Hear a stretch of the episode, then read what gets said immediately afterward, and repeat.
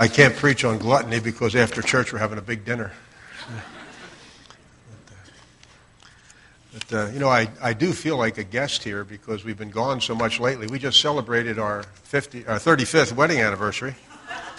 And, uh, and I, I read about a guy that celebrated his 50th, and his name was Tom, and he, they were having a party, and his friends asked him, Tom, what have you uh, learned from 50 years of marriage? He said, Well, he's learned that marriage is the best teacher of all. So her friends were curious. Well, well, what do you mean? He said, Well, in my marriage to my faithful wife, I've learned patience and long suffering, forgiveness, meekness, self control, and a lot of other things I wouldn't have needed if I'd stayed single. but uh, we, uh, we've had a good marriage, and uh, she's a very faithful and very, uh, very patient lady. So I'm very fortunate to have my wife. But uh, I've got to get rid of some of these papers, or I'll be preaching on something I have no idea what. Oh, this is all gluttony stuff. I definitely have to get rid of this. The, uh, I was thinking the other day about uh, the inequities of life. We, we went down to Kansas not too long ago for a funeral. And Coldwater, Kansas is right in the middle of an oil field. There's actually three oil wells within the city limits of Coldwater. They've completely replumbed the whole city, all new water all new sewer, brand new water tower. Taxes are very low. All the cops drive brand new cars. The city trucks are all brand new. It's really kind of unique. Uh, their motto is Coldwater, life the way it should be. Part of that is three oil wells. But there's a lot of people down there that have very, uh, they're very wealthy. And uh, I got to thinking about that, thinking about my own situation financially, and maybe you have as well. You know, there's uh, people there that maybe their great grandfather came to this barren land called Kansas, which is predominantly sand. Their bumper crop of wheat is 35 bushels an acre. And you wonder why in the world do they work so hard for that? But one morning they woke up and they discovered oil on their property. So now these guys have big irrigated circles and drive fancy new cars, all the latest equipment. And some of them are real jerks. you know, some of the guys aren't upstanding citizens. They're not, they're not the people you would think are wealthy. You know, they, they didn't work hard for their money at all. Wondering, hey, God, why is that? You know, why is that? Maybe, maybe you know people that are wealthy just by pure circumstance. I'm going somewhere with this. I was reading my classic car magazine the other day, back down in our vacation spot, and uh, while my wife was enjoying the white sand and blue water, I was reading about cars. Uh, somewhere in here, there's an article about a guy that uh, was born here in Illinois in 1850. His name is Earl Gilmore. Actually, his father was born in 1850. His father's name was Arthur Fremont Gilmore. Moved out to California, bought uh, a dairy, bought another farm, and on that farm, there was a bunch of tar pits. This guy went out and drilled a well for water and struck oil. Hence, the Gilmores are one of the big icons of classic cars. They started a racetrack, they started a big uh, farmer's market that is still there today. Lots of money, lots and lots of refineries. Everything fell in his lap. Hey, why me? I want a new engine for my pickup and I can't afford it. What's the deal? How come, God? What's with the inequities? Okay, we'll track along with that a little while. And what's heaven going to be like? Our socioeconomic status today, and most of you are just hardworking people and you have achieved the blessings that God has given you through hard work. And some people just fall into it. But what's heaven going to be like? How, how will heaven work out I don't think there'll be an economic status, but I do believe there'll be a social status. There'll be a hierarchy of authority for sure. And from what I understand from Scripture, there'll be rewards based on our performance here. This is a book that I have not read, but I've read part of it, and I want to complete it. It's called Heaven by Randy Alcorn. And it's really a good book. I would recommend it. It takes Scripture and emphasizes it, amplifies it, makes some good academic uh, educated guesses about what heaven will be like. But in this book, he talks about the status of believers in eternity, in heaven. And I think that a lot of that will be, could we have my uh, first slide up there, will be based on our faith. And uh, we've got uh, faith. And that faith, I think, will be the basis for our reward. The reality of our current socioeconomic status is not really related to us. Some folks have great producing land, they work hard, they have money and success. And that's a good thing. God has blessed us, He blessed you. Uh, some folks work hard and, and don't have that blessing. Others just have blessings because of the situation they were born into or developed around them, like Gilmore. But in heaven, I believe God, who is a fair and just God, will reward us according to our faith. And the next slide is a summary of what I think Hebrews chapter 12, 1 through 3 describes. That believers have to work at being faithful. It's a work that is a choice, primarily. And the next slide will explain the four F's of faith forsake, fight, focus, and fathom. And I'd like to read Hebrews chapter 12, verses 1 through 3 now. And before we do that, I would like to uh, ask God to bless each of us with a stronger and more fervent faith. So, would you pray with me, please? Father, we do bow before you and thank you for the lives you've given us. Thank you for the strength, the health, the skills and abilities, the situations that we find ourselves in. Because, Lord, regardless of our socioeconomic status, each one of us has the opportunity to exercise faith. And Lord, we just ask that you might open the scriptures now, touch our hearts, and allow us to understand more about what it means to be a faithful Christian. Thank you for this opportunity. We praise you for the comfort we enjoy and ask you to bless us now in Jesus' name. Amen.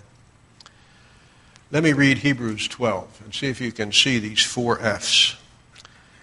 Therefore, since we are surrounded by such a great cloud of witnesses, let us throw off everything that hinders and the sin that so easily entangles, and let us run with perseverance the race marked out for us. Let us fix our eyes on Jesus, the author and perfecter of our faith, who, for the joy set before him, endured the cross, scorning its shame, and sat down at the right hand of the throne of God. Consider him who endured such opposition from sinful men, so that you will not grow weary and lose heart. I think the message here is that believers have to work to uh, be faithful. That work, in large part, begins with our choices. Now, whenever there's a therefore, as there is in this text, I'm sure you've heard this cliche, whenever there's a therefore, you've got to find out what, what it's there for. Well, the therefore in 12.1 is referring to the previous chapter, which is called the Faith Hall of Fame. And it's a long chapter, and it's filled with really good records of faithful men and women throughout history. You know, there's Abel and Enoch and Noah and Abraham, Isaac, Jacob, Joseph, Moses, and all the prophets that followed all these guys are in this hall of fame because of their choices. And since it does start out with therefore in chapter 12, I'd like to look at just a couple of these men and help us understand a little bit about what they lived and why they're, they are an important part of our uh, basis for choosing to be faithful. Now, the ones I like are the short ones. So, verse 7 in chapter 11 talks about Noah. It's just one verse. By faith, Noah, when warned about things not yet seen, in holy fear built an ark to save his family. By his faith, he condemned the world and became heir of the righteousness that comes by faith. Very simple statement. But try to put yourself back into his situation in his day.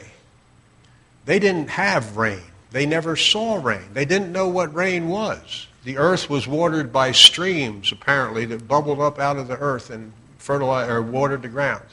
The earth was fertile. Rain? What's rain? Build a boat in the middle of the desert? Think of how his friends, his family, think of the response they had to this guy laboring for 100 years approximately, as near as we can guess, building this huge boat in the middle of the desert. Do you think his friends, think his family bought into that quickly? I mean, he had his kids working on it. I mean, it's hard enough for me to get my kids to sand on a car when, I want, when they want to paint their own car. Think about building a boat that you have no idea what rain is. And God told him to do this. The point being that he was acting on the Word of God without any basis for understanding. He didn't know what rain was. God just told him build a boat. So he did it. Family probably thought he was out to lunch. I can imagine, you know, grandma saying, Noah, what in the world are you doing? Why are you cutting down these trees? Splitting them, making them square, making the ends so they fit together, building this huge boat. Kids, Dad, I don't want to do that today. I want to go swimming. I want to go play with my buddies. You know, I, I want to do whatever it is kids did back in that day. Wife, Noah, no, I, I don't want to bring you lunch again on the third story. You know, you come down here. If you, if you, if you want lunch, you come down and get it. Uh, friends, you know, this guy's really crazy. He really write him off. You know, he goes hang out at the local burger joint or wherever he hung out, and what in the world are you doing, Noah? You know, you need to go see the psych. But when the water flood, the floodwaters came, then they were beating on the outside of the ark, let us in, let us in, let us in. All of a sudden, Noah was justified. He was vindicated. His faithful behavior, which seemed like absurdity in the culture, was the basis of his salvation, physically, and then his family as well. But it was something that was countercultural. It was a weird thing to do. Another guy, I, I, like Abraham. I, I don't think I could have been as faithful as Abraham was when it came to sacrificing his son.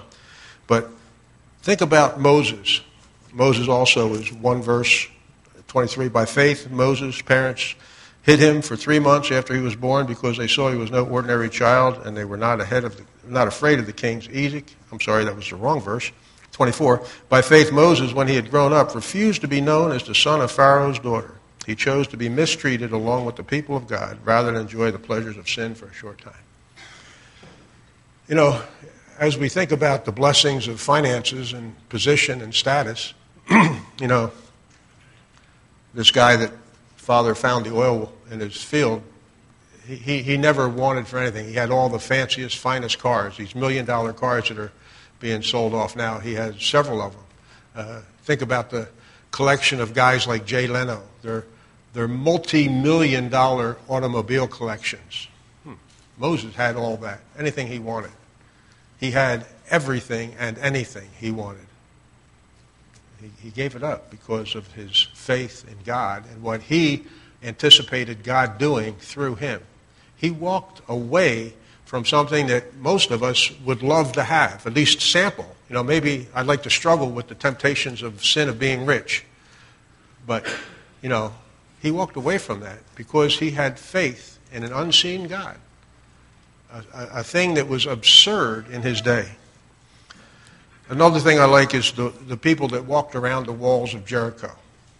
When the faithful generation came out of the promised land, came into the, the or came up to the promised land, I should say, came out of the desert, they encountered Jericho, a fortified city. They walked around that city seven times and were quiet. They, they didn't say anything. Now, okay, mom, dad, get your uh, newborn, get your toddler, two year old, your teenager, if, if you can get them away from their iPhone. We need, a, we need to walk around this wall, the city, seven times. That's absurd. It's utterly absurd. Think about the people in Jericho watching them do this. They're soldiers. They're, they're afraid of the Israelites because they heard of what God had done after they uh, crossed the Jordan. But think about what the people in the city were thinking. What?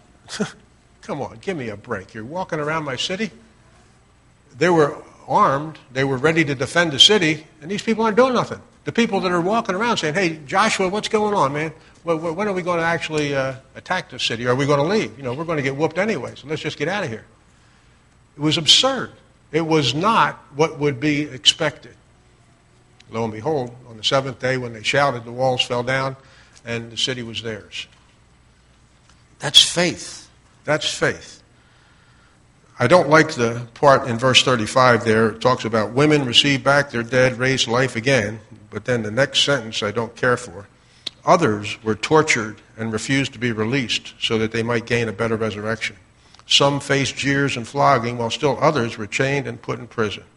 They were stoned, they were sawed in two, they were put to death by the sword.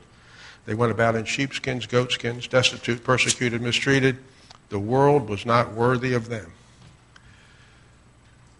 Those are the people that didn't live high on the hog. They weren't the wealthy ones. They weren't the ones that were living in splendor, struggling with the temptations of riches. These are the common day people, the working people that didn't have that blessing from God, but they were still faithful. They endured their persecution. They, they lived in the situation in which God had placed them and faithfully trusted Him to deliver them. And the chapter concludes as these were all commended on their faith, verse 39 of chapter 11. Yet none of them received what had been promised. God had planned something better for us so that only together with us would they be made perfect. That, therefore, at the beginning of chapter 1, gives us a strong assembly, a big group of people who've been there and done that and struggled with the same things that you and I struggle with, but were faithful.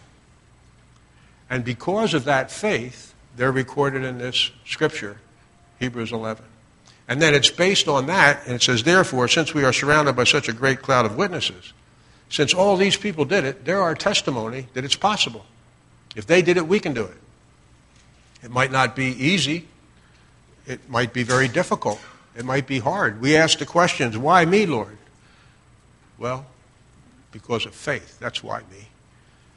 Scripture records the rewards in heaven. It's not clear just how that will be set up, but I think that the obedience that we exhibit in this life will be the basis of our social status in heaven. Alcorn suggests that we will have cities and multiples of cities to rule for eternity. There will be all kinds of associations with God and with Jesus Christ on the throne. There will be a unknown blessing, and I think part of that will be our status. We don't have to worry about being born into an oil well family. We don't have to consider the luck of the draw, who we were born to, what family we were born to. It's based on our faithfulness. Therefore, since we're surrounded by such a great cloud of witnesses, then we come to the four F's. These are subjunctive commands. Let us throw off everything that hinders and the sin that so easily entangles. That's the forsake, the first F. Now, it's interesting because in Scripture, God paid for all my sin. His death, burial, and resurrection justified me. I stand before God as a justified man. I am not saved by works. I don't think my faith can be interrupted by works. It's my choice to choose to follow God because of my salvation.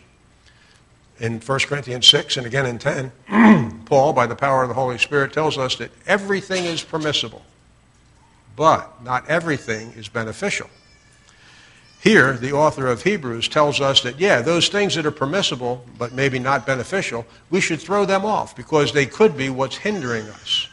So, my question to you and to myself is what is it that hinders us? Now, the Hebrews were apparently in danger of walking away from their faith, and that's what this whole epistle is written to address. But I think it doesn't come in one big chunk. One day, the Hebrew population didn't wake up and say, Well, I'm going to leave God today and go follow Baal. I think it's very similar to the way a believer today struggles with his faith little things come up that you question. Things that interrupt your faith, you might say. Things that cause you to question your faith. And those are usually enhanced, or should I say initiated maybe, by those things that hinder. What is it that hinders you in your faith walk? TV shows? Uh, pornography, a, a, problem that you have that you watch a TV show and it gets you thinking about sex and you go to the internet and click on some of these porn things? I think that it comes from our base sin nature, control. Maybe, maybe you want to control. Maybe you try to be passive aggressive in your attempt to do that. Maybe it's things that irritate you that your kids do that you get real angry with. And then you carry that anger over to your husband or your wife. Uh, what is it that hinders your faith walk? And it says, cast those off. Forsake that. And the sin that's so easily, everybody knows what sin is, but the sin that I think is the scariest kind of sin is that little sin that eats at you and gets you a little bite at a time. It uh, just causes you to stumble, causes you to ultimately question the reality of God's faithfulness, of God's love, of why did God do this to me? Because I'm trying to be a faithful guy. I'm trying to be a faithful woman. Cast off everything that hinders. Forsake it. Walk away from it. The devil is a roaring lion. Flee from him. That's the kind of behavior that is permissible but not beneficial.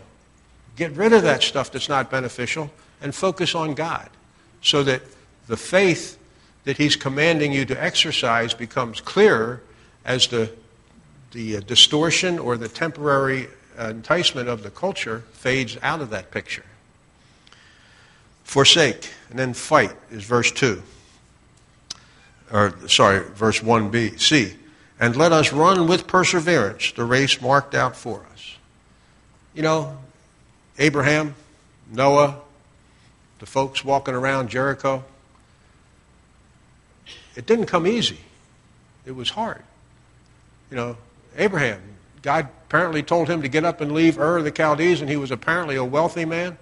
Walk away from all that. Live in a tent. Where are you going? I don't know where you're going, or I'm not going to tell you where you're going, but just do it. And he did. Noah. You know, he took him 100 years to build that ark. That's perseverance. Perseverance, if we've got to fight for the faith that God has blessed us with. I, we have a bunch of kids, and they ask questions. You know, you always wonder about all the why questions the kids get to when they're two and three years old. Why this, why that, where do babies come from, you know, blah, blah, blah. It doesn't go away. And those of you that have adult children, I'm sure you will confirm this. You know, now the kids ask, well, why would God, if He loves me, take my kids away from me because they're going through a divorce? Wow, that's a hard question. Why does God allow babies to be born in, in disease or, or deformed or, you know, mentally handicapped or whatever? Those are questions that are hard to answer without the cliches to just come up with a solid reason. Okay, this is why, or this is what I think. This is what the Bible says. This is what God teaches us. My kids have challenged many things in the faith. Uh, how can God be the only way? These are actual questions I've had to answer from my children, different ones. You know, how can we say that it's not okay to worship Muhammad or Allah? Or why are all the people that are ignoring God going to go to hell? He's a loving God. He's going to send all these people to hell? See, I think it's work to answer those questions and to have that same satisfaction yourself. Maybe you just blow that off. You don't think about that. Just ignore it. I mean, that's what I did most of my life. Well, not anymore. Now I've actually been a Christian longer than I was a non Christian.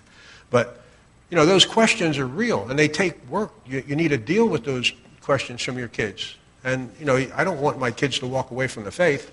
I don't want to give them a cliche. I want to give them something substantive. In order to do that, it takes a little work. Persevere. Hang in there. When the going gets tough, keep on going. That's the fight part of our four F's. Then 12.2, let us fix our eyes on Jesus, the author and perfecter of our faith, who for the joy set before him endured the cross, scorning its shame, and sat down at the right hand of the throne of God. Have you ever thought that it's not a godly perspective to uh, be a faithful Christian because I want that reward at the end of the, the road? Have you ever thought that it's wrong to want to, to be last in line because you want to be first in heaven? I mean, I've joked about that many times with different people at different places. There are people that do think that, that, you know, you, it's wrong to do something because you're going to get a reward for it. Well, I don't think that is wrong because that's exactly what this scripture is telling us to do to, con- to focus on Jesus, who, because of his position that he anticipated at the right hand of the throne of God, he endured the cross. That was horrendous. It was horrible. It was worse than anything that I can conceive of. I, I didn't like that Jesus movie because it was way too graphic. It, it just it, it hurt me to watch Jesus Christ go through that in that movie, that actor. But that's what we're told to do. Let us fix our eyes on Jesus, the author and perfecter of our faith. And he, earlier in the book, uh, God tells us that He chose to perfect Christ's faith through suffering. And that's a loving God. That's one of the questions you need to answer for your kids sometimes. But that's what our focus is to be that Jesus Christ went through all that because He knew that He would get the reward at the end of the line in eternity. He was going to be at the right hand of the throne of God. And I think that's what the rest of chapter 12 goes on to describe for us. Actually, we're not going to go there, but it says, endure hardship as discipline. God is treating you as sons, verse 7. It goes on to explain that the difficulties that we do endure, excuse me, that we do endure, are designed to shape us into the people God wants us to be men and women of faith, to focus on Jesus Christ because he went through the extreme based on the reward that he was awaiting. And then what I think is an, a, a, a, uh, joint effort with that final F of focus is that fathom. Fathom is understand. It was the way I could get the four F's, you know, with fathom. Understand. Think about who Christ was. You know, I, I, I don't think I'm the only one that does this, but I've thought many, many, many times. If only I had not chosen to move from Coldwater to, uh, to Illinois. If only I hadn't done that. If only uh, I would have made a different decision, things would have been drastically different. If, if I could change one thing, if I could only change how I understood situation, I would have made a different decision. If only so and so wouldn't have moved next door we wouldn't have this big problem. If only I could get this kind of a job or this kind of a position, it would be different. And I think that's the whole point of verse 3. Consider him who endured such opposition from sinful men. Jesus Christ could have changed it. He could have done something different. All the things that I've you know, labored over or cried over, I couldn't change, or if at least not at the time. Probably you have certain situations that you wish you could change. Well, Jesus Christ could have changed it. He could have avoided the cross. He could have, instead of having spikes go through his wrist, have him lash him with, uh, with uh, Velcro or something. I mean, he could have changed it. He could have blinked and it would all disappeared. But he did not. That's why I think it says consider, think about fathom the understanding that Jesus Christ, who endured such opposition from sinful men, he was God, and he could have changed it, but he did not. He went through that just so that he would receive the reward. And then the end of the verse tells us what the other purpose of that was so that you will not grow weary and lose heart. it's easy to quit. Again, some of my kids have asked questions they could quit the faith. You could. I could. The point of thinking about who Jesus Christ was and the horrible suffering that he endured and the reward that he got was so that we will not grow weary and we will not lose heart. So that we will have a reward in heaven for all eternity that will be a reflection of our faithful choices here on earth. That's why believers have to work at being faithful, because we're going to be blessed in ways that we don't even understand. The Bible doesn't reveal all of that. But faithfulness is what God has called us to. Faithfulness is what these men in chapter 11 exhibited in spite of the cultural phenomenal opposition through governments and through entire populations, national ass- assault and oppression. They were faithful. And therefore, in light of these witnesses, let us not grow weary and lose heart. Be faithful to the end. Let's pray. Father, please enable us to have that perspective, that perspective that puts you first and allows us to see you through our culture. Allow us eyes of faith so that when we make the choices that we have to make every day, we might do so based on your word and your truth.